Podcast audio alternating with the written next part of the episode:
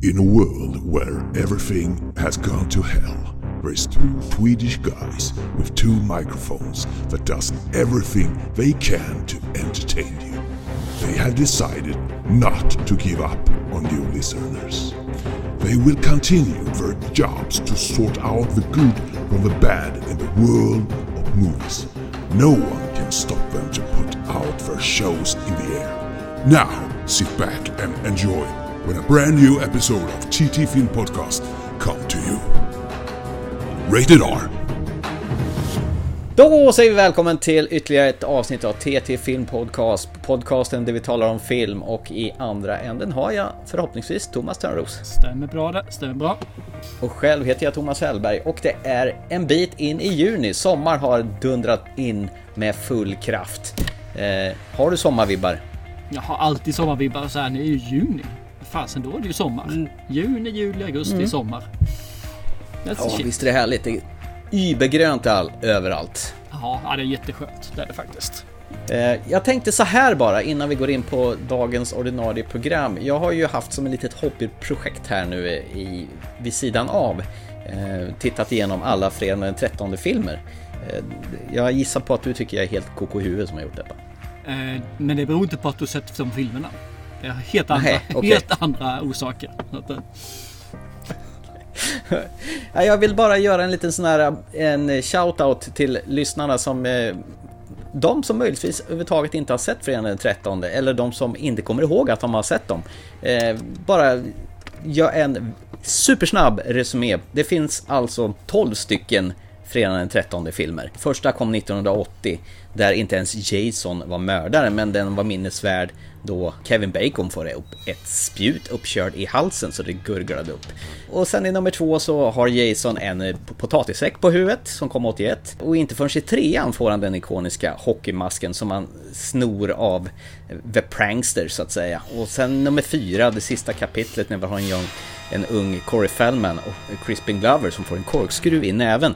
Där de slicear sönder Jason totalt för nu ska det vara slut. Det är väl final chapter. Men titta, den blev jättepoppis så det blev a new beginning. Med inte ens en riktig Jason utan en wannabe. Jason är bara med tre minuter i början av filmen och resten av filmen är det en fjantig jävla ambulanschaufför som vill vara Jason. Flopp! Och sen eh, nummer sex, Jason lever, så gjorde Alice Cooper soundtracket och ett litet hommage till James Bond i början. Där han kommer ingående vid sidan och kastar en machetas istället för den här gun barrel-scenen i James Bond. Eh, jättemycket humor och eh, Elisabeth från tv-serien V var en av The Final Girl.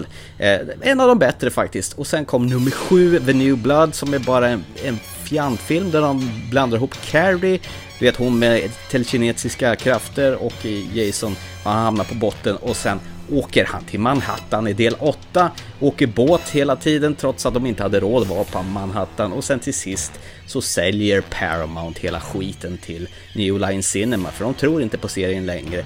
Och där gör de helt plötsligt någon slags The Hidden historia där Jason hoppar mellan kroppar så det är inte ens Jason där heller. Sen skickar de ut Jason ut i rymden i Jason X och han blir Uber-Jason och blir någon slags Terminator. Och sen till slut så kommer den här filmen som man hade väntat på i hundra år med Freddy Krueger vs Jason som är en slags hopkok av två franchiser med massa tonåringar i mitten. Och sen till sist så försöker man återuppliva genren 2009, gör en remake och börja om alltihopa från början och den floppar. Nu har jag sett igenom alltihopa ja, ja. Det jag, kan, det jag kan konstatera att första filmen från 1980, jättebra. Nummer fyra, jättebra vid Final Chapter. Och nummer sex, Jason Lives, är helt okej. Resten kan man fullständigt skita i. Så, Okej. Det var en eh, jag sa ju att det skulle bli en kort summering. lång tid för ingenting om vi säger så. Eller hur? Jag kan säga när jag började titta på det här så tyckte jag, "Ah, jävlar det här är spännande. Jag tyckte det var riktigt underbart. Tvåan okej, trean, äh, f- fyran, ja men det här är bra. Och sen gick ju luften ur med besked. Det var ju bara sexan som gjorde ett litet steg åt sidan. Och sen var det bara tröttsamt. Och sen speciellt när Paramount sålde hela rasket till New Line Cinema. De visste ju inte vad de skulle göra med karaktären. De försökte liksom hitta på nyare grejer och de bara schabblar bort alltihopa. Problemet var ju dessutom att mitten av 80-talet när censuren var som störst, även i USA, så klippte de ju bort alla goa, slaskiga, blodiga scener så att de fick ju inte ens visa någonting, inte ens i USA. Så att jag trodde ju liksom att det var filmcensuren här i Sverige som hade varit gått hårt till, men De hade ju tagit bort jättemycket från filmerna i USA. Så vad är det för vits i en slasherfilm man, man inte får visa någon slasher? Det är skittramsigt. Ba, bara en fråga. Om det bara Ja. var de här första filmerna som höll. Varför fortsatte du titta? Därför jag hade köpt boxen med de första åtta filmerna. På Blu-ray. Ja. Men du har ju ungefär 20-30 filmer hemma som du fortfarande har plasten på. Mm. Och de har du inte sett. Jag vet, men det blev ju som ett mission här att jag skulle ta mig igenom det där. För jag har, ju sett de här för hundra år sedan. Det är som en slags återtiteln, eh, reloaded där. Nu inser jag att jag kommer aldrig någonsin titta på de här filmerna igen. Eh, gör du nog rätt i. Förutom ettan, eh, fyran och sexan då. Okej, okej, okej. Ja, men det var ett projekt i sig i alla fall. Sen om jag har fel, då kan väl de eh, ute som lyssnar på oss eh, höra av sig och säga nej, du har helt fel. Jag tycker den här och den här är bra. Eh, Skicka gärna ett mail till ttfilmpodcast.gmail.com. Du har inget så här stort förhållande till det här annars? Nej. Den här franchisen? Nej, det har jag faktiskt inte. Det, han var inte the shit för mig. Det var det inte. Och där, så Det jag tror, Freddy, jag, va? tror jag har sett tre eller fyra av de här alla hopasslösa. Och det är väl bland annat då Jason X och Freddy vs Jason. Så jag har sett två normala bara. Det enda fördelen med den är att där, där hade ju filmcensuren lagt av så att det var ju någorlunda grisiga scener i den. Så det var ju rätt kul faktiskt.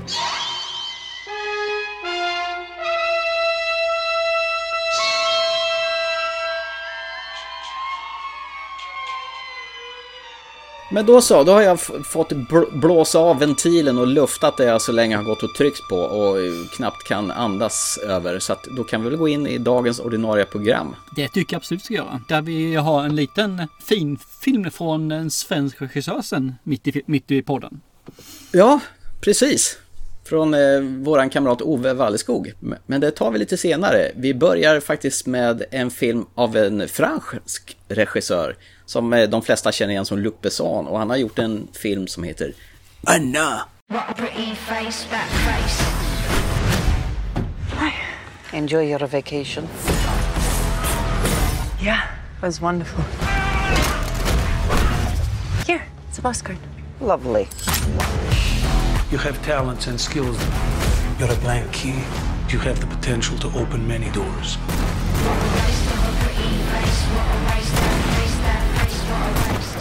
Hi. What's your name? Du, den här filmen föreslog jag att vi skulle prata om och då, det är helt bara apropå så, den har jag sett, sa du då. Ja, Var det, var det länge sedan? ja det var ett tag sedan. Det var det några, må- några månader sedan. Någon månad sedan var det. Ska jag då kanske dra vad den går ut på den här då? Du får gärna dra plotten så du får göra. Jag tror du är bättre på det i det här fallet än jag är. Okej. Det handlar ju då som sagt om Anna. Som bara nämns med Anna, eller senare Anna M för att hon kommer från Moskva. Hon är väl en sån här trasig eh, kvinna som har varit nere i knarkträsket tills hon en dag blir upptäckt av eh, en kille som heter Alex som spelas av Luke Evans. Det här är i Ryssland ska vi säga. Så han värvar henne då för att hon ska tränas och jobba för KGB ungefär i fem år. Och sen ska hon vara fri då. Han hjälper henne att ta sig ur det här taskiga livet hon har.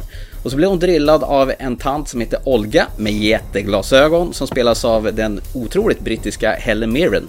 Eh, som är en sån här typisk kalla kriget-tant som aldrig är nöjd. Så vad hon än gör, trots att det går bra så klankar hon ner på henne då. Och hon blir inslängd till de här högre KGB-höjderna och så inser hon snart att hennes assassinations-turné, hon är ju ute för att ta ihjäl såna här eh, mål som är taktiska för KGB och plocka ut.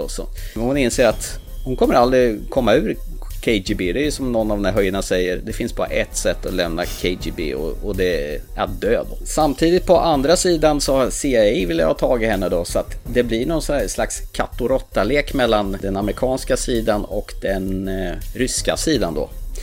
Jag fick aldrig riktigt för mig när det här ska utspela sig för KGB det är väl typ kalla kriget och Sovjet va? Är det inte det?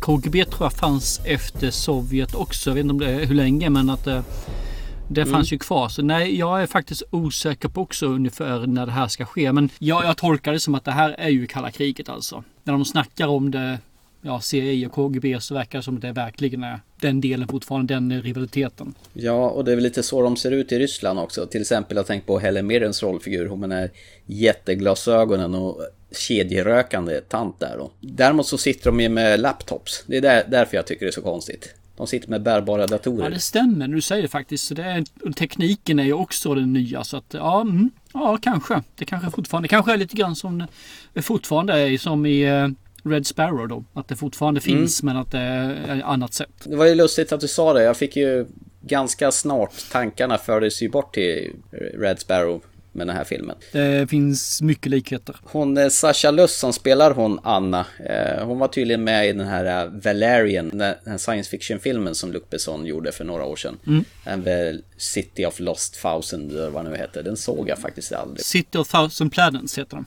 Ja, just det. Såg du den? Ja, gjorde jag. En äventyrsfilm för de lite mindre. Mina söner när den kom 2017. Mm. Så var de för gamla om vi säger så. Okej. Så att eh, de ska nog vara någonstans eh, sju, max 11 kan jag tänka mig. Jag Tror det, men jag har den inplastad och står i hyllan. Jag har ännu inte tittat på den. vad konstigt. Grejen var att eh, Luc Besson som har både skrivit, producerat och regisserat den här filmen, han var anklagad för att ha sexuellt antastat eh, någon i den här produktionen då, av den här filmen. Nu var det ju, blev det dåligt med bevis, att det var ingen som kunde bevisa att han hade gjort detta. Men studion och distributörerna, de liksom flyttade sig bort från den här filmen då. Så att den här släpptes utan någon officiell visning och utan någon marknadsföring överhuvudtaget. Så tanken var ju att hon, Sasha Luss, som spelar Anna då, skulle få sitt genombrott här. Men filmen har tydligen dragit in väldigt minimalt, så det här var väl en sån här direkt Den har dragit in lika mycket som den kostar. Så den hamnar väl direkt på streaming och eh, Blu-ray kan jag tänka mig på en gång. Så att, eh, det går till inte så bra för hans eh, filmbolag längre. Hans Besson Europa Corp som, som det heter. Så är det ju med alla nu de som hamnar i den här, jag, i den här svarta zonen. De, de eh, kommer ju vara utfrysta under en bra tid. Antingen till de gör en försoningsgest av något slag eller att det glöms bort. Så har du försoningssex? Gest, men man hör med det man vill höra. Jaha, okej, förlåt. Men vad fick du för intryck av den här då? Kommer du ihåg? När jag slog på den, för det första hade jag fått den rekommenderad till mig faktiskt. Jag tyckte att den här kunde vara bra. Så jag haft den lite grann på under radarn och kollade en kompis till streaming. Och när den väl dök upp där så fick jag ett mail på den. Och anledningen till att jag se den egentligen det var ju just för att jag trodde att den skulle vara en blandning mellan eh, Red Sparrow och eh, Atomic Blonde. Bra filmer båda två. För, Jävligt eh, intressant ju. Ja, det är Ja. bra filmer båda två. En stark kvinna som eh, går hårt ut bland eh, folket. Den var ju inte Atomic Blonde det här. Red Sparrow, ja, nästan i vissa delar plagiat. Eh, jag tyckte den var ganska underhållande. Den var inte sådär så den växte några större känslor hos mig. Det var därför jag inte tog upp den i podden. Faktiskt erkänna mest som den verkar som att tagit upp känslor för dig så tänkte jag shoot, då kör vi. Annars tycker jag ju att eh, Luc Besson gör ganska bra film, lite annorlunda film ibland. Men han lyckas inte riktigt hela vägen. Ta som eh, Lucy, som han gjorde också 2014. Ja, Början det. på Lucy är ju helt fantastisk där. Och sen sjabblar man bort lite grann. Det blir en OK-film efteråt. Lite grann som annat tycker jag. Liksom att man eh, smetar ut lite för mycket istället för att göra det som man eh, tänkte jag, Eller man, jag tror de tänkte göra från början och inte orkade med dem. Anna i det här fallet blir ju liksom det är jättetrevligt tycker jag den första tiden när hon ska lära sig upp på hela det här köret. Och sen så när hon åker iväg första gången så börjar det då mjölkas ur lite grann, blir lite urvattnat. Det är en OK-film som inte överraskar, om vi säger så då. Och sådana här filmer tycker jag ska överraska lite grann. Ja, fast jag tyckte den överraskade lite grann. Jag, jag kan säga så här, jag hade, tyckte precis tvärtom. Jag tyckte den var skit märklig rytm i början i den här filmen. Eller snarare orytm. Den liksom tuffade på framåt och jag känner, fan jag vet inte vart den här ska ta vägen då. Men sen halvvägs någonstans i filmen så vänjer jag mig på något sätt med det här berättarspråket. För du får ju liksom se en massa scener och sen backar vi lite grann och sen fyller de ju på saker och ting. Då är inte saker som du tror. Så där pågår ju filmen. Tre steg framåt, tre steg bakåt. Det är som att dansa tango i den här filmen. Ändå så när hon kickar röv och skjuter då, då börjar det lite likna lite John Wick tycker jag när hon skjuter på nära håll. Om du kan förstå vad jag tänker. Mm, jag tror det. Lite tv-spelkänsla faktiskt. Det skulle nog kunna funka som en sån där Hitman, Agent 44 eller något sånt där. Men jag tycker faktiskt det här är mycket bättre än John Wick i alla fall. Det är bara för hon är snyggare. Och bättre skådespelare också ska man säga. Ja, alla är väl bättre skådespelare än eh, Keanu Reeves, för det säger ju inte så jävla mycket. Hon är väl rätt så vacker, för jag tror att det här var en, en rysk eh, fotomodell från början som Luc Besson upptäckte. Och nu har han kastat in henne i sina filmer där. Eh, Sen har du ju både Cillia Murphy och Luke Evans, men jävlar vad de är skitstela på varsitt håll. Som är någon slags, ska hjälpa henne då, och sen samtidigt blir väl båda lite små betuttade i henne då, eller storbetuttade snarare. Och det finns ju några sexscener i filmen som är så här riktigt jävla stela och obekväma. Så här stela och obekväma sexscener har jag inte sett sen Sylvester Stallone skulle försöka lägra Sharon Stone i den här äh, specialisten. När de håller på att tumla runt i en duschscen som är så jävla töntig så det finns inte. Så att det är inte så mycket kemi mellan någon av dem. Nej, men jag tror att det är lite grann, tycker jag är rätt befriande. För det, det, det finns ju ett, ett maktvakuum med dem. För att eh, de är inte på samma nivå. Han är ju lärare, han är hennes chef. Och då blir det nog också lite grann sådär. Jag tycker det, det, det leder jag faktiskt inte så mycket av. Sen är det väl kanske lite mer fart på den här filmen än vad det var på Red Sparrow. För den är lite mer drama. Det här är väl lite mer straightforward action. Kan jag tycka. Ja, det stämmer nog. Jag tycker det är lite befriande det här sättet de visar på att nu, nu händer det ett gäng händelser och sen backar vi tillbaka och sen får du liksom lite ifyllt och så händer det här också. Så, vilket gör att filmen twistar, twistar till sig ett par gånger genom filmen. Så jag känner i början, nej, det här skaver. Och sen ju mer filmen gick, ja, okej, nu fattar jag vad de vill med det här hela. Och sen när filmen är i mål, ja men det här är ju en Luc Besson-film. Och det är ju likadant som den här Three Days to Kill eller Take eller någonting. Man ser att det är en Luc Besson-film när filmen är slut. Den har ju en viss, ja sen är han ju tvungen att skicka henne till Paris också. Det finns ju inte en Luc Besson-film som inte nuddar och åker till Paris då. På senare tid i alla fall. Och sen får ju hon ha en sån här riktig kill spree. Eh, En sån här collage när hon skjuter en massa gubbar när de mular kriminella. Och så pumpar det toner till In Excess. Den här I need you tonight. Dun, dun. Dun, dun, dun, dun, dun. Du vet. Där gick du igång ja, det kan jag tänka mig. Ja, det, det gillar jag. När, när de flörtar med såna här 80-talshits.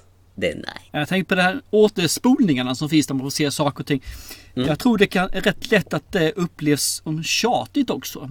Eh, Okej. I alla fall på vissa personer. Jag tror inte jag uppfattade det så, eller jag gjorde inte det. Det är rätt lätt hänt. Det är ungefär som man gör sån här déjà vu-film. Liksom. Ja, ja, vi har sett det där förut. Mhm, ja. Har de lått bollen någon scen till nu? Ja, okej. Han, han går på gränserna som jag ser det på vad som är görbart och vad som inte fungerar. Ja, för mig fun- fungerar det faktiskt. Nej, man måste ju älska Helen Mirren. Hon är så jäkla skön som den här Olga. Som eh, Ja. kedjeröker har. Hon är jättebra som hon är faktiskt. Det här är ju lite svårt för det här när amerikanare och britter ska liksom bryta på ryska. Eller vad säger du? Jag har inga som helst bekymmer med det. Inte ett smack. Jag vet att jag pratade om det tidigare. Jag bryr mig inte. Det är en film. Okej, nu går vi vidare. Vad ska de göra? Ska de prata ryska alltid? Eller ska de...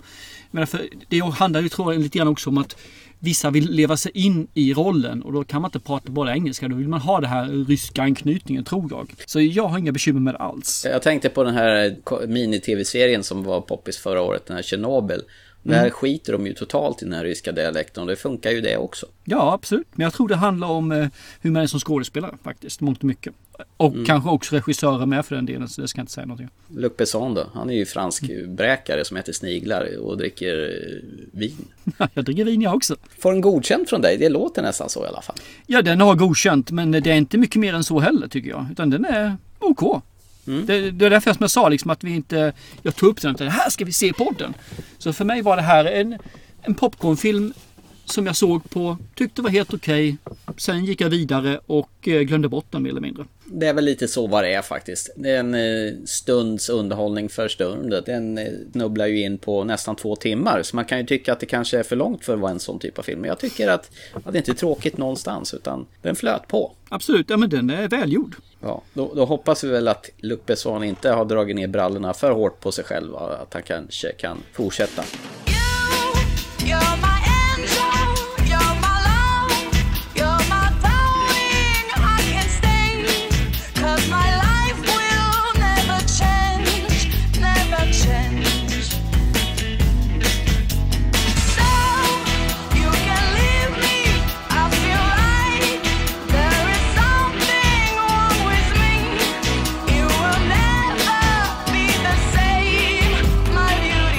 Ska vi gå vidare till nästa film och se om det blir mer skräck och mindre action i den här filmen då, kanske? Det kan vi göra. Vi såg ju förra året eh, filmen eh, Mareld som Ove eh, Walleskog presenterade för oss och eh, den hyllade jag unisont och blev lite småkär i Hanna o- Oldenburg bland annat. I den här eh, om en svensk mytologivarelse ute i, i, i den svenska skärgården. Det visade sig att han hade gjort en film några år tidigare, ungefär på samma tema fast eh, ändå inte, som heter Huldra, Lady of the Forest från 2016. Hi, it's Martin, the Swede. Remember? Long time no see. I'm back in Stockholm and um, we came to the conclusion that it would be fantastic if the good old Forest gang could meet up again. You know, a reunion. What do you say? Peter's found an odd adventure camp up here in the Swedish forest. We booked two weeks this summer. Imagine the old gang, just us, and the peaceful forest taking care of us weary souls again. So what's the plan while we're here? Swimming around, enjoying life, catching a prey. And then suddenly, when you are about to celebrate, you realize that you are the prey. I had a dream last night. What did you dream about? I was brutally killed by one in the group. Now, we start to play. I have a bad feeling about this. We're gonna end up killing each other. Ja, Thomas Törnros. Eh, Först och främst, den den är från 2016 men om jag stod rätt på den så har ju den här inte varit färdig. Men det kanske är mer att den kanske inte har släppts. Den har kanske släppt på mer festivaler och sådana här saker då. Den har ju inte funnits ute förrän egentligen nu. Till allmänheten i alla fall. Och nu finns den på SF Anytime att beskåda om Mm. man blir sugen på det här efter vårat snack om det här sen kanske. Ja, precis. Så vad är då Huldra? Det låter ju som någon sån här svensk mytologisk varelse från långt bort tillbaka. Vad är en Huldra egentligen? Vet du det? Är egentligen, Huldra kommer egentligen från den eh, norska mytologin. Så det, det är egentligen det och den är väldigt närbesläktad med våra skogs, eh, vad heter det? skogsgråt, vittra, Just det. vättar och de här sakerna. Det är samma de här. De gömmer sig liksom i skogen. De syns nästan aldrig. Och ser man dem så har man nog haft otur alltså mer eller mindre. För är stor, risken är stor att man inte kommer därifrån. Så det är den typen av fornnordisk eh, mytologi då. Så det är nordisk mytologi kan man ju säga. Även ja, Island är med där med givetvis på ett hörn. Jag tror Ove Walleskog gillar just de här mytologierna faktiskt. Ja men så har jag tolkat det också faktiskt. Så att eh, i det här fallet så, ja, jösses jag vet inte hur jag ska förklara den här filmen. Du får gärna ta den. Absolut. Det är ett kompisgäng som inte har setts på bra länge som samlas och de ska eh, ha hyrt in sig.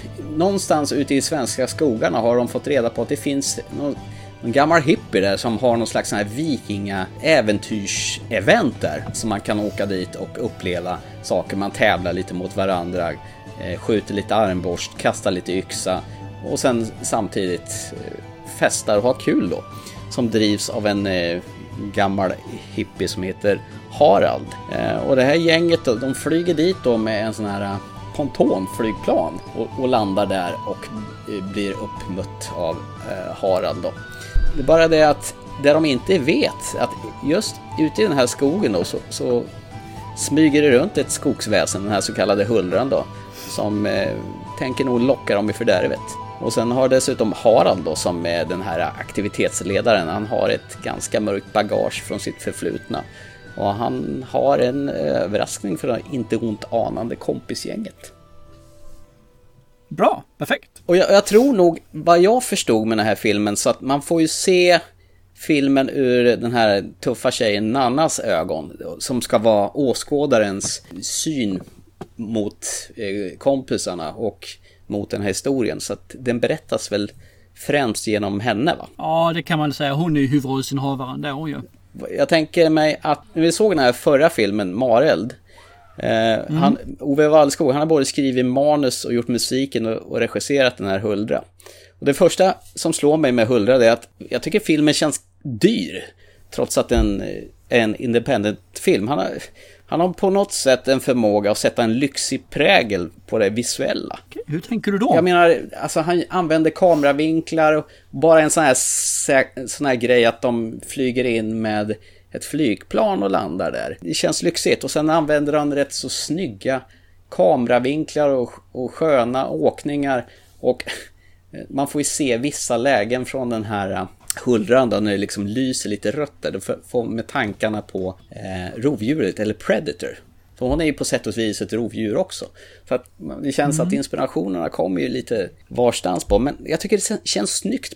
Jag, och jag gillar det. Och sen musiken är ju väldigt så här svenskt. Det, det är som en sån här uråldrig musik från förr. Nästan lite så här gycklaraktig musik eller ty- typ sån här, vad ska man säga, vikinga... Om du går på sån här vikingaveckor eller någonting, då, då, står, då har de ju sån här musik som spelas. Det är lite sån typ av musik och det, det sätter ju en väldigt skön känsla över den här filmen. Ja, men det håller jag med om. Han, han får till musiken väldigt bra. Men det tycker jag faktiskt överlag våra svenska regissörer, våra nya svenska regissörer får till musiken fantastiskt bra i sina filmer numera. Så det, men eh, jag håller med. Den, den är riktigt nice musiken. Och det här med rovdjuret plockade jag faktiskt inte men jag håller med fullständigt som du säger. Att när man får se, man anar att det är genom hennes ögon man ser när man får en annan eh, filter på andra färgtyper på, eh, på bilden. Ja, jag håller med. Det, det, den tog inte jag men den är ju klockren. Jag tycker den är rätt så ball. Filmen öppnar ju, det kan vi avslöja, för det är det första som händer tycker jag. När de här två affärsmännen Eh, som vill förmodligen köpa loss marken från Harald. När den ena investeraren hör talas om att det finns mycket älgar i skogen och han vill minsann rida på en älg. Alla djur går att bryta ner så eh, jag vill rida på en älg. Och, och sen den andra säger, ja men jag ska nog se vad vi kan göra. Och sen kommer Harald dit, slår ihjäl om en yxa. Det tycker jag är underbart.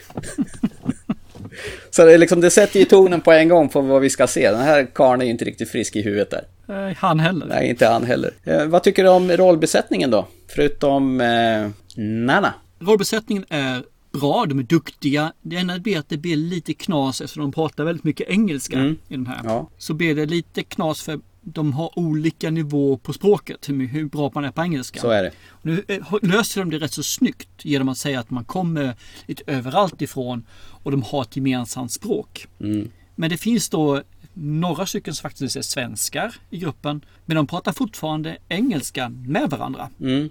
Och det- blir liksom, illusionen där blir lite skakig. Men skådespelarna är ju riktigt bra ju. Det får jag inte säga någonting. Alltså det, vi har en av killarna där, Viktor Åkerblom, som också var med tror jag i Marel om jag minns rätt. Och han, han gör ett riktigt bra intryck för den karaktären han är. Eh, Nanna är samma sak. Men det blir det här med språket. Det, det blir lite, ibland svengelska över det. Och det tycker jag är lite synd. Jag hade hellre sett den här i ren svenska ska jag erkänna. Och det säger emot mig vad jag brukar säga. Men jag hade hellre sett det. Mm. Alltså. Det ska jag erkänna. Harald, han pratar ju svenska hela tiden. Ja, han pratar även lite engelska också. Ja, med dem. ja det, det kanske han gör. Ja, för att han diskuterar. Men när han går och mumlar för sig själv, så då är han ju rent utav svenska. Ja, det är svenska ju. Ja, det är svenska. Precis. Viktor Åkerblom som du nämnde, han är ju väldigt intresserad på att röka på där och kröka på så mycket han orkar. Han håller ju på och hänger med Harald och frågar hur mycket Woodstock finns det här ute egentligen? Har du något braj eller? Han, är ju verkligen en sån här lös och ledig kille, men han är ju på något sätt charmig, tycker jag. Lös och ledig kille. Ja men han är ju jävligt lös och ledig. Men, och sen när han flinar upp, han har nästan lite så här Tom Cruise-aura över sig. Oj, okej. Nej, jag tycker det. Liksom, han, när han liksom flinar upp, han har någonstans skådespelare, sett han är med mycket i svenska tv-serier. Nu senast var han med i tv-serien Hamilton, den nya ins- inspelningen och så. Var med lite varstans. Jag, jag tror att, att eh, Victor kan gå långt här faktiskt, tycker jag. Ja, ja absolut. Ja. Det säger jag inte emot ett smack. Sen gillar jag den här killen som spelar Adam, den kraftiga killen, här Victor von Schirach heter han. Han som eh, lagar maten åt dem och inte riktigt orkar hänga på dem när de är ute och springer i skogen. Jag tycker han är en skön prick faktiskt och spelar jävligt bra. Han har en rätt, rätt korrekt brittisk engelska när han pratar. Ja, men han är också det att, eh, nu kanske jag minns fel, men jag har för mig att hans engelska är ibland väldigt eh, aristokratiskt brittisk och ibland så blir han bara vanlig engelska. Det det är också en sån här sak som blir, okej, låtsas han eller ska han vara en britt? För man får inte riktigt klarhet i var de olika personerna kommer ifrån egentligen. Eh, speciellt huvudrollsinnehavaren Nanna, som spelas av Rebecca Labbe. Eh, jag tycker att hon är ju vad, eh, vad heter det, Hanna Odelburg var i Mareld. Jag tyckte hon var fantastisk där. Och här tycker jag ju precis Rebecca Labbe är för Huldra vad Anna Odelburg var för Mareld. Jag tycker hon är ju en helt fantastisk lysande skådis faktiskt. Hon gör också en sån här intensiv, härlig trovärdig roll. Eh, Jag skulle vilja se mer av henne framöver och hoppas det går bra för henne. Ja men det skulle jag med vilja göra faktiskt. Ja. Jag skulle se mer av allihop de här faktiskt. Eh, De gör riktigt nice ifrån sig. Däremot springer ju hon runt och säger scheisse rätt ofta i filmen. Så här på tyska. Ja, men det visar sig, det är, ju- det är ju med i början. Hon bor ju i Tyskland. Ja, om man ser The Director's Cut. Det var det jag tänkte Ja. komma lite grann till. Att den här filmen finns ju i två versioner. Vi har ju The Producer's Cut som är släppt på SF Anytime. Och sen fick ju vi förmånen att se The Director's Cut. Och då har du ju en ganska lång bakgrundshistoria med henne som en boxare. När hon bor i Tyskland, i Berlin och har en, en, en väninna där hon diskuterar, där de pratar på ren tyska. Och det har, har man ju inte Yes. den blekaste i den här Producers Cut, för där börjar det ju liksom med att de träffas och åker iväg. Och här i den här Directors Cut så får du lite mer bakgrundshistoria. Lite mera eh, karaktärsbygge. Ja, det finns det. Absolut. Och sen å andra sidan så tar det ju väldigt lång tid innan själva filmen börjar. Ja, men det gör ingenting tycker Så- jag. Jag gillar när det liksom smyger på lite grann innan man kommer iväg. Kommer ihåg Peter Jacksons King Kong? Tog ju fan en timme innan de åker ut i ön ens en gång. Jo, men den var ju inte bra den filmen. Nej, det har du fan rätt i. Det, det stämmer. Nej, men alltså det blir lite mer enklare att förstå var, hon kommer ifrån och eh, varför hon springer runt och vrölar Scheisse. Jag hade, ingen, jag hade inte fattat att hon var tyska annars. Hade du gjort det? Jag såg ju Producers Cut först. Okej. Så jag eh, visste ju det. så det är svårt för mig att säga sådär. Men eh, jag, jag tycker liksom när jag såg Producers Cut och sen jämförde med Directors Cut så kändes den mer krisp. Än vad Producer var. För det, det tog så lång tid och så hade de så många scener som inte drev filmen framåt. Okej. Men jag saknade just den här presentationen av folket. Eller i fall om någon annan. Mm. Ja. Den saknade men man kunde ha gjort den och kanske gjort den hälften eller en tredjedel så lång. Mm. Så tror jag det hade blivit nice. För man har ändå behövt ha den här lite grann. Vem var hon kommer ifrån? Vem är hon? Vilka är de andra? En kort presentation av dem. Och vad är, vad är det som driver henne? Precis, för du fick ju inte förklaringen ens där telefonsamtalet att när den här hennes eh, gamla barndomsförälskelske ringer till henne och säger Hej men kom igen, vi ska åka ut dit, häng med någonstans. Utan här är- träffas de ju bara vid den här vid sidan av flygplanet och åker iväg. Utan någon helst förklaring i, i den här korta versionen. Man kunde ha använt den biten i alla fall. Och kanske gjort en liten kortare variant om man nu ska vara något så här lite mer bakgrundshistoria. Ja, jag förstår vad du menar. Absolut. Sen, sen kan jag tycka också eh, att slutet i den här eh, officiella korta versionen var lite hastigt och lustigt medan du får mera, som jag tycker tillfredsställande slut i The Director's Cut. Nej, det håller inte jag med om. Det gör jag inte. Jag tycker att den var kaka på kaka i uh, Director's Cut. Det behövs inte. Det, det är sånt här som eh, man har slut på slut. Och det tycker inte jag behövs. Inte den här typen av film. Du menar Sagan om Konungens återkomst slut, slut, slut?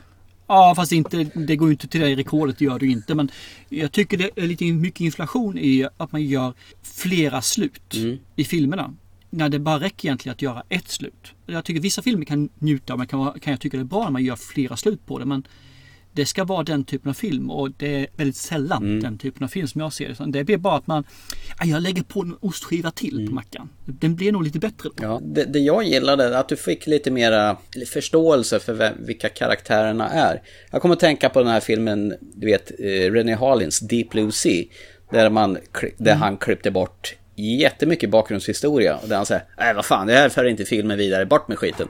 Och man fattar ju inte vem som hörde ihop med vem förrän man såg de här bortklippta scenerna. Kan du förstå vad jag är lite ute efter? Där? Ja, jag förstår exakt vad du är ute efter. Mm. Men bara för att jag förstår vad du är ute efter behöver jag inte hålla med. I beg to differ, som det heter. Alltid. Ja. Alltid. Men i det stora hela så att jag, jag gillar den här filmen jättemycket faktiskt. Så jag kan nog säga att jag har blivit ett stort fan till Ove Walleskog faktiskt. Det också var en riktigt fin film det här. Mm. Jag tycker däremot att det blir lite, ibland blir det kameran lite stötig. Som kan eh, göra det jobbigt för mina ögon att se på det. Som ett litet minus, minus då. Ja. Och jag kan eh, tycka att det är lite synd att man gör så för ofta i filmen. Det blir lite så här go-to-klippet. Mm. För man ska uppnå en viss eh, känsla. Mm. Och det behöver man inte göra i de här fallen. Överlag är det här en riktigt nice film, det håller jag med om. Så att det, det, jag tycker om karaktären, jag tycker om historien, jag tycker om hur den utvecklas längre fram också. Så jag tycker den håller till slutet. Alltså det, det är en bra, bra skriven film. Mm. Ett bra manus. Och den har filmats jävligt snyggt också. Och det är ju fantastiskt fina vyer alltså. Är Sverige är vackert. Vi- det är inte mer med det. Visst är det så. Och grejen är jag tänkte på när filmen var slut, jag glömde faktiskt bort att det här är en independent film där de inte har världens största budget. För den, den verkar och ser ut som en påkostad mysskogsrysare. Samtidigt så märks det lite grann på specialeffekterna, på ljud och sådana saker när de skjuter med, med armborsten och så här. Det kan jag faktiskt hålla med om. Jag skulle vilja ha lite mer svung i, i skotten kanske där. Lite mer svung, precis. Nej men det är en fin film och jag tycker att han ska fortsätta att göra mer film här Ove. Så att, eh, och det, jag tycker det är fantastiskt kul att han tänkte på oss nu när den väl kom ut. Att vi fick möjlighet att se den. Och se båda varianterna. Och, och skulle jag vilja göra en, eh, en klippning så skulle jag blanda de här varianterna lite grann. Ja, den hade För varit fin. eh, Tar man Directors Cut där, efter de har kommit dit så är det en jättemassa scener. När de står, de festar, de dricker, de skojar runt, de äter och det är allting är spelat i sån här halv slow motion, lite hackig slow motion. Det plockar de bort sen i, i eh, Producers Cut. Vilket jag tycker var finemang för den gav ingenting för mig. Okej. Däremot hade jag velat ha förhundsstoryn där. Mm. Som eh, fanns med i eh, Directors Cut. För den, den hade gett mervärde. Inte hela, men en del av den. Så att, men det är jag. Det är, jag är en person. Ja, och den här personen i andra änden, han, tyck, han föredrog ju Directors Cut med den här långa förhistorien. Där man fick följa Nanna och verkligen få reda på vem hon var. Och även så gillar jag det här extra slutet som du inte var så himla betuttad i. Men jag tyckte det var riktigt bra. Lite mer filosofiskt och härligt tyckte jag. Nej, men fan vad mums det här var. Men om vi säger så här då. Om du kan försöka sätta in i det här som du säger, det här filosofiska slutet. Om det inte funnits där. Hade du känt att någonting hade saknats? Ja, nej men jag, jag tyckte... Nej, nej, nej, nej, nej, nej, ingenting nu vad du tycker och känner. Utan hade du saknat det? Ja. Så du menar att hade du, hade du bara sett, när det säger plusskatt i det här fallet. Så hade du tyckt att slutet var dåligt? Nej, det hade jag inte gjort. För, hade då hade jag inte haft någonting att jämföra med. För jag såg det den andra... Det var det jag var ute efter. Att, och hade du då saknat det? För det är det jag syftar på. Att jag saknade inte slutslutet. Det gjorde jag. Eh, Jag tyckte den var helt okej. Jag jag hade inget, hade inget ont av det. Men jag saknade det. Jag, jag tyckte det var lite abrupt. Så därför så tyckte jag den, den längre varianten var trevligare. Ja, okej. Vi kan tjafsa om det här i, i, vad heter det, evigheter. Men i slutändan så har ju Thomas alltid rätt. Det är bara så. Det har jag, precis. Eh, Det har jag. Ja, men jag absolut det har han men mm. Ja, nej men alltså de är lite halvlika både Hultra och Marel. Det är ju, bygger på samma tema fast på olika typer av teman. Eh, Han verkar ju gilla det här med skogsväsen och eh, andra väsen. Eh, det- Mm. det här, och sån här gammal svensk mytologi. Och fortsätt gärna göra det här för att det här är ju så mysigt så det finns inte. Mys, rys, skogs. Men han gör inga enkla filmer. Marel var en ganska jobbig film att se på. Mm. Och Huldra är det också. Med en hel del, vad ska man säga, annorlunda voiceovers. Mm. Och det är, för det, jag tror det kräver lite grann ett sinnesstämning eller att man ser på film på visst sätt. Så att, det- och jag tycker nog att man ska utmana sig att se sånt här. För det, man behöver se annat än bara det här stereotypa Hollywood eh, 13 på dussinet filmer. Där håller jag helt och hållet med dig faktiskt. Så vi... Jag säger det. Ja. Jag säger det. Ja men bra. Då kan vi glatt konstatera att vi kan rekommendera Huldra och för den som vill se den så det är väl bara traska in på SF Anytime och hyra hem den här filmen. Jajamän, och den är värd pengarna. Så gör det. Varenda spänn.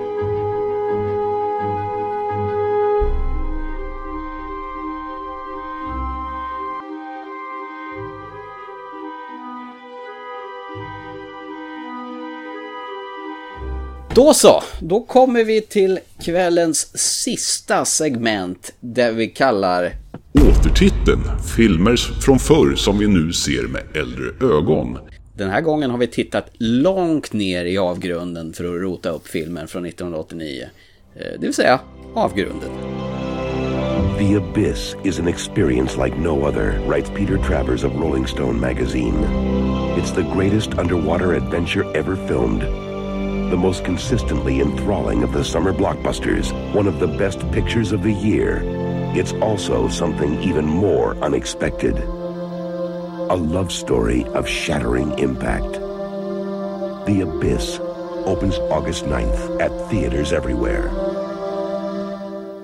Ja du, Thomas Törnros. Den här filmen skulle vi egentligen ha pratat om för tre avsnitt sedan. Eller sånt där. Ja, Två i alla fall. precis. Men du vägrar ju. Så jag vet inte, det känns som du ångrar dig. Du drog upp den här och sen vill du inte se den helt plötsligt.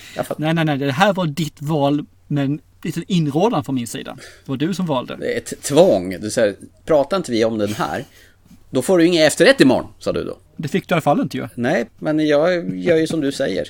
Jag gör ju som jag är tillsagd. Ah, tack. Avgrunden, 1989. Ja, en skitgammal film med en väldigt ung Ed Harris. Fast han har fortfarande inget hår på huvudet i den här filmen. Ed Harris har aldrig haft hår. Eller fortfarande, han hade inte det då heller. Vad är premissen med den två timmar och 51 minuter långa eh, avgrunden? Såg du förresten Director's Cut på den här, apropå ingenting? Ja, jag såg den långa, absolut. Det gjorde det, ja. Och jag har fuskat i den här också. Har du fuskat? Så när vi ska ställa oss frågan om den här håller för en omtitt eller håller egentligen att se i år, en 30 år gammal film, så har jag fuskat. Hur menar du då? Jag hade med mig sonen och så på den här och han får svara på den om den här verkligen håller eller inte. För han är ju första gångs tittare. Så du menar att du slog ihop det här med... Thomas Törnros läxar upp sina barn i modern filmkonst. Det blev det ja, stämmer faktiskt. Det ble- Tänkte jag inte på, men absolut. Du, Jajamän, du, så gör vi. Du slog två flugor på smällen så att säga. Jajamän, det tänkte jag inte på själv, men så planerar jag hela tiden. Okej. Okej, vad va, vad hade James Cameron hittat på 1989 då? Det som har hänt här är ju att eh, vi har en amerikansk ubåt som eh, råkar ut för att, ja, någonting händer där nere. Så den, eh, hur man nu kan säga att en ubåt sjunker, men den här gör det åtminstone. Han går på grund. Ja, han går på grund precis. Djupt grund, han är nere på 2000 meters djup va, eller något liknande. Ja. Problemet är ju bara att i den här ubåten så finns det ju givetvis kärnvapen. Det finns de här nycklarna, hur man skickar iväg dem. Allting som krävs egentligen för att Sovjet, som då fanns på den här tiden, skulle vilja lägga vantarna på det här och då göra det besvärligt för amerikanerna. Så de måste ju på något vis bärga den här. Och då finns det givetvis ett gäng i närheten som håller på att testa en ny prototyp hur man ska kunna borra olja under vattnet. Man är alltså under vattnet när man borrar. Och de ska då åka dit och, ja, vad säger man, inte bärga den och se om det finns något levande där eller i minsta fall se till i alla fall att man tar rätt på det som finns där. Och till sin hjälp får de ju tre stycken Navy Seals tror jag. Mm. De ska dit där som då mer eller mindre leder operationen i alla fall. Som är där för att övervaka så allting rätt till. Och eh, det här blir ju inte riktigt som eh, de trodde. För de börjar ju se lite konstiga saker där nere samtidigt. De gör ju det ja. Jag kan säga så här att jag såg den här, jag rotade ju fram min gamla DVD som jag hade köpt för bra många hundra år sedan. Och den... Den är inplastade. Nej, den är inte inplastad så den, den hade jag faktiskt tittat på tidigare. Eh, Okej, det- wow. Och där fanns båda versionerna med, både en theatrical version och eh, director's cut. Hur, lång är theatrical version? Eh, Jag vet inte, jag slog igång eh, eh, Director's Cut på en gång och jag, jag tittade aldrig hur lång den var utan jag ville se den här jättelånga faktiskt. Det var det att när den här släpptes så var den ju anpassad efter de här gamla tjock-tv-apparaterna som man hade innan platt-tv och widescreen och allt vad det hette. Så att den där lilla widescreen-rutan, den var i mitten på min stora platt-tv. Och jag försökte jag förstora upp den, då blev den så jäkla grynig och suddig och texten hamnade utanför bild. Så att jag fick se den på en lite mindre skärm på den stora skärmen. Det är ju så dumt så det finns inte. Så att det är inget bra att gå tillbaka till de här gamla DVD-filmerna från förr har jag insett. Nej, det är inte det. Eh, jag fick faktiskt köpa den. Hoppsan. Jag hade inte den. Det gick inte att få tag på någonstans. Finns det inte att få tag på någonstans och streama. Det är ju jättekonstigt. Ja, det, det är det faktiskt. Där, eh, ja, som tur är så går den att få tag på. Sagt. Okej. Det är bättre att... Ebay är bra ibland. Mm, det är bättre att köpa den om den då faktiskt i så fall. Yes. Det, det som slog mig faktiskt med den här att jag fick sån här närkontakt av tredje graden vibbar fast under vatten när jag såg den här. Du vet den här ljusen som far förbi så här. Och Mm. strömmen som går när ljusen kommer. Gummirymdgubbar, neonljus. Är det inte lite närkontakt av tredje graden på den här? Nej. Nej. Nej. Nej. Nej. Nej. Nej. Nej. Nej. Nej, det är det ju inte.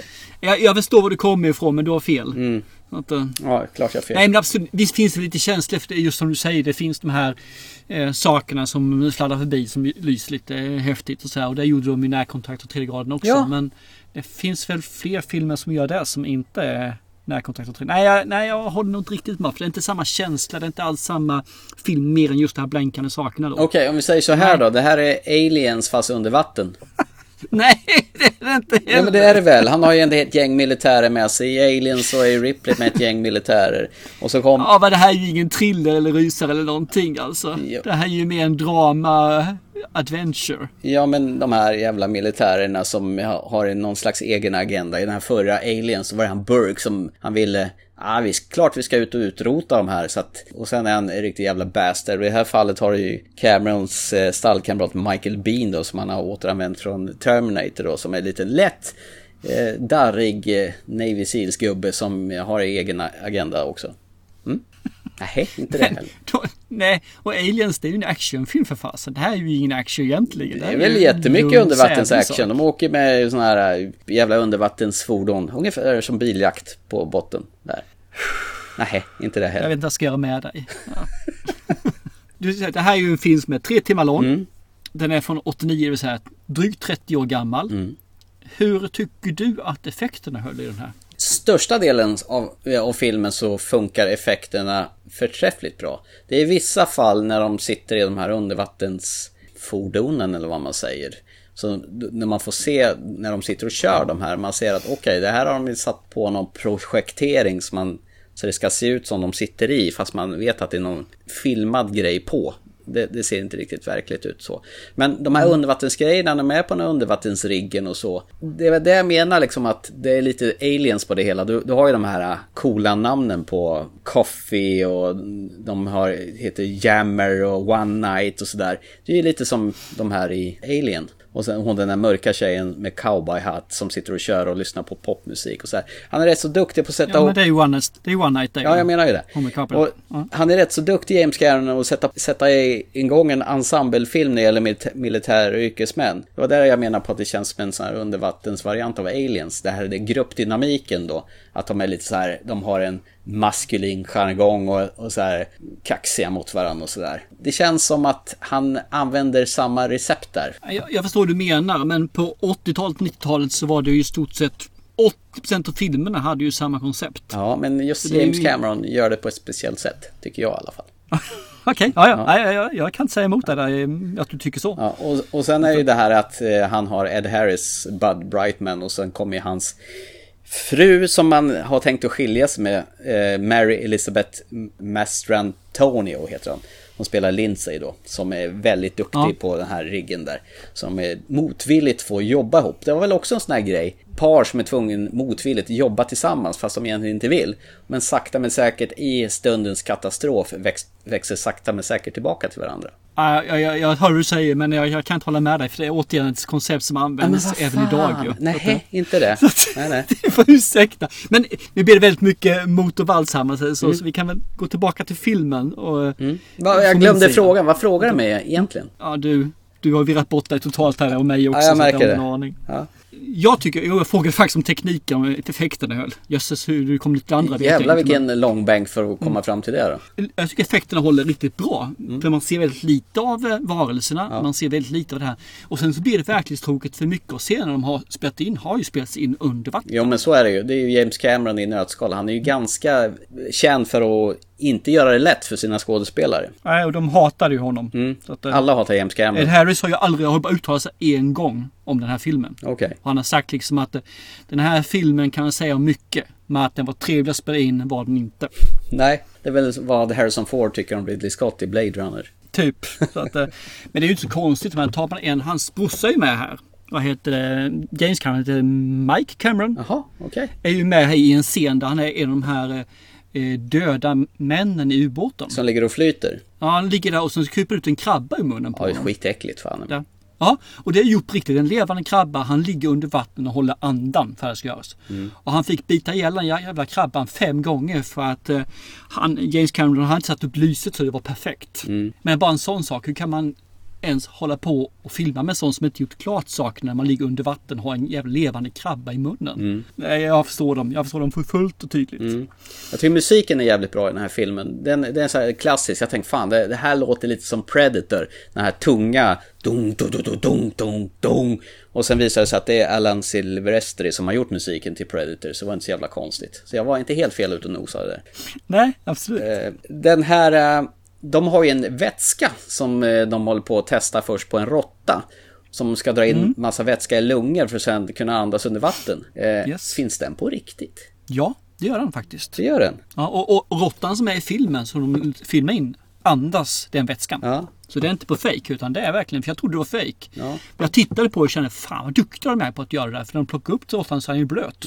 Så att nej, men det, den andades riktigt där. Mm. Fick Ed Harris också genomgå det där när de fyllde hans Nej, inte med- människorna. Inte människorna utan bara råttan i det här fallet. Okej. Att, eh, James Cameron tyckte väl att Ed Harris är en råtta. Så att han ska fan mig få dränkas. Det står för dig. Ja. Men jag tycker den här var faktiskt tät och spännande för jag kommer faktiskt långt ihåg alltihopa som händer i den här filmen. Och det här var ganska länge sedan jag såg den här, kom jag på när jag tittade på den. Det här är riktigt länge sedan jag såg den här. Det är ju säkerligen en fyra år sedan, fem år sedan jag såg den här filmen. Mm. Och jag håller med, jag tycker också den här eh, håller i mångt och mycket. Och det är det är väldigt så här klaustrofobiskt och ångestladdat i den här filmen. Det finns ju en scen... Kan man spoila den här filmen när den är så här gammal? Lite grann. Ja, ja men gör det. Mm. Det tycker jag. Det är ju en scen där, eh, vad heter det, Ed Harris, eh, Bud Brightman och Lindsay sitter med skägget i brevlådan ordentligt. De, de sitter ju där i någon sån här farkost och de har bara en, en sån här undervattensdräkt. Och de är en bra bit till deras rymdstation och hon är tvungen egentligen att drunkna. För att eh, de ska kunna ta sig därifrån då. För att det, det finns ingen chans i världen att hon ska kunna hålla andan hela vägen dit. Alltså den scenen är fortfarande så jävla ångestladdad. Listen to me for one second. Now you've got the suit on, and you're a much better swimmer than I am, right? Yeah, maybe. Right? Yes. So I've got a plan. What's the plan? I drowned and you tow me back to the rig. No. No. Yes, this water. No. Only a couple of degrees above freezing. I go into deep hypothermia. My blood will go like ice water. Right? My body systems will slow down. They won't stop. Vince. You tow me back and I can, I can be revived after maybe 10 or 15 minutes. När hon säger att det här är inga problem, det här löser jag. Och sen när hon inser att fan jag kommer att drunkna, man ser paniken i hennes ögon. Och, och man ser hur hon sp- sprattlar till och drunknar. Alltså, fan vad jag mådde dåligt även den här gången jag såg det där. Jag tyckte det var skitläskigt.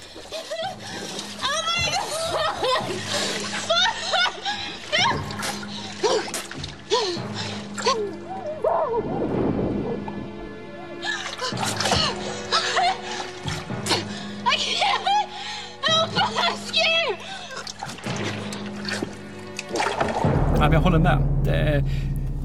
Ja, fy fasen. Det är bra sådär. Men jag tror att många av de här sakerna de har filmat eh, ligger nog på gränsen egentligen vad som är tillåtet. För Ed Harris, har- det ryktas ju om att han har slagit eh, James Cameron på käften efter att han inte hade stängt av kamerorna när han höll på att drunkna. Okej. Han hö- höll ju på att göra det under scenen. Och han vägrade stänga av kamerorna. Så att, eh, det känns lite grann som att han gick överstyr här, alltså James Cameron. I eh, hur man filmar och hur man beter sig egentligen bland folk. Det, är en gammal film, den har åldrats lite grann. Eh, hur man levererar repliker och hur folk ser ut och, så här. Det har ju åldrats. Det ska man inte mer än säga. Men jag tycker fortfarande, från min sida, att den håller. Att se om nu med nya ögon. Det var en sak som jag inte såg då, trots att jag sett den här filmen ett par gånger för bra många år sedan.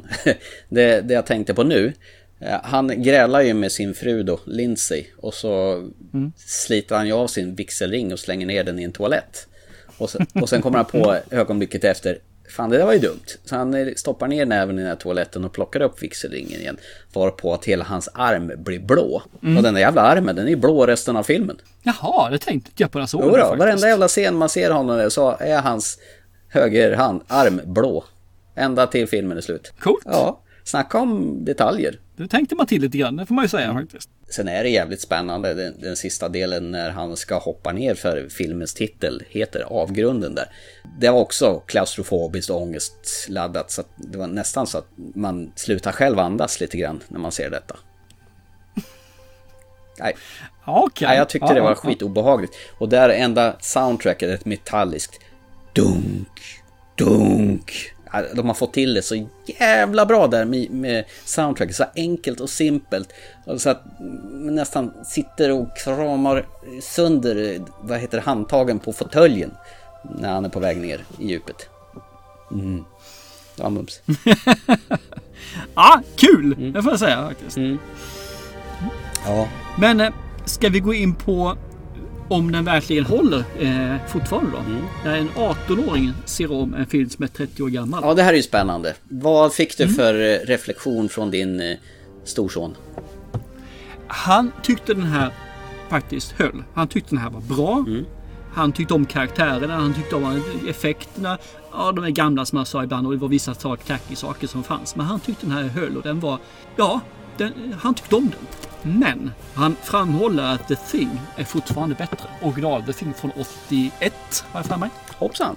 Den, den står fortfarande bättre än Abyss då, som faktiskt då är åtta år yngre film. Men det här är ju rätt, rätt spännande i alla fall att sådana gamla filmer har de här kvaliteterna eh, och fortfarande står sig för en publik som borde vara skitkräsen med effekter och eh, hur filmen Mm. genomförs.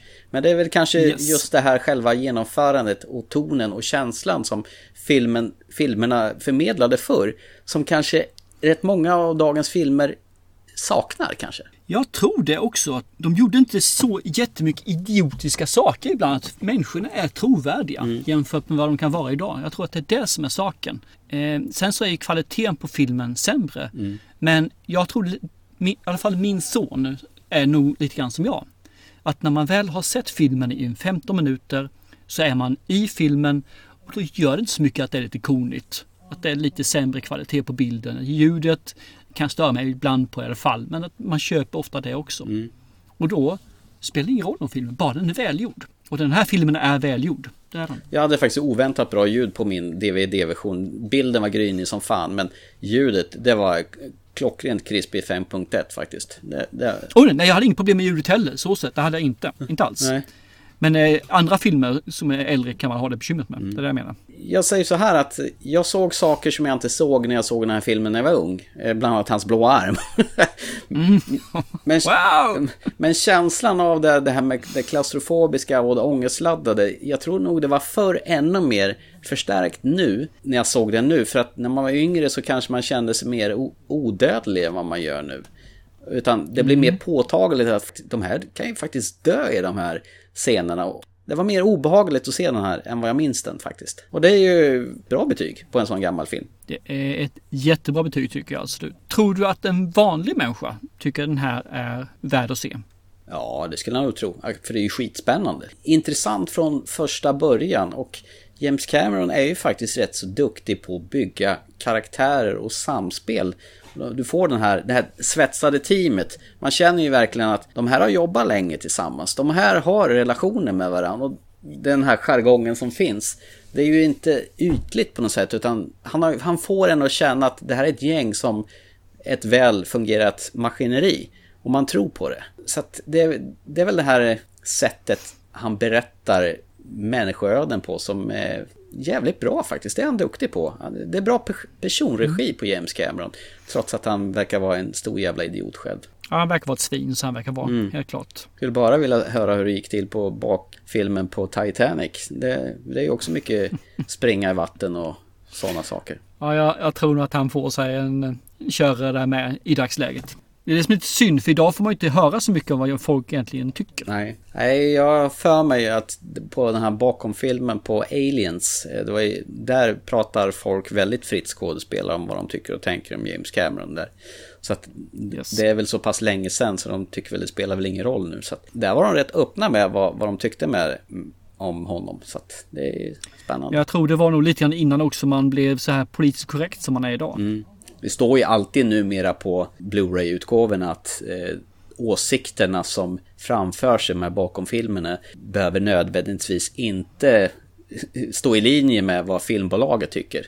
Står det ju alltid. Nej, precis. Så de, det- de friskriver ju sig på ett väldigt fint sätt alltid i början där. Jag förstår dem, det hade jag nog också gjort. Men idag klippte vi bort sånt. De visar ju bara upp det som är fnuttinutt och halledulan i dig och så Ja. här. Men så världens bästa regissör, så här ryggdunkeri på Mm. hög nivå, då blir man nästan lite illamående istället. Han är så fantastisk och de är så underbara och det var den bästa jag varit med om. Precis. Nej, fy fan, det är hellre när det är på riktigt, när det skaver Det blir, ordentligt. liksom inte, nej, det blir inte trovärdigt när de gör viset.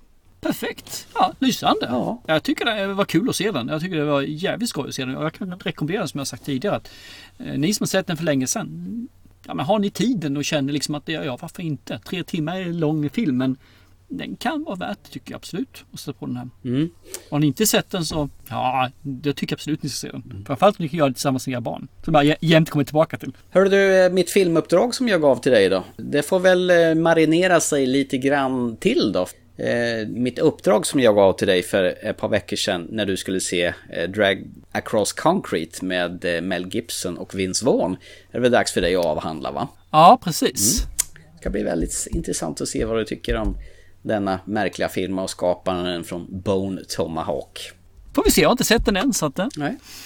Nej, det är bra. Cross country. Det är lika bra att du spar det lagom tills, vi ska, tills du ska prata om det i podden. För att jag vet ju farbror börjar bli lite eh, glömsk kanske.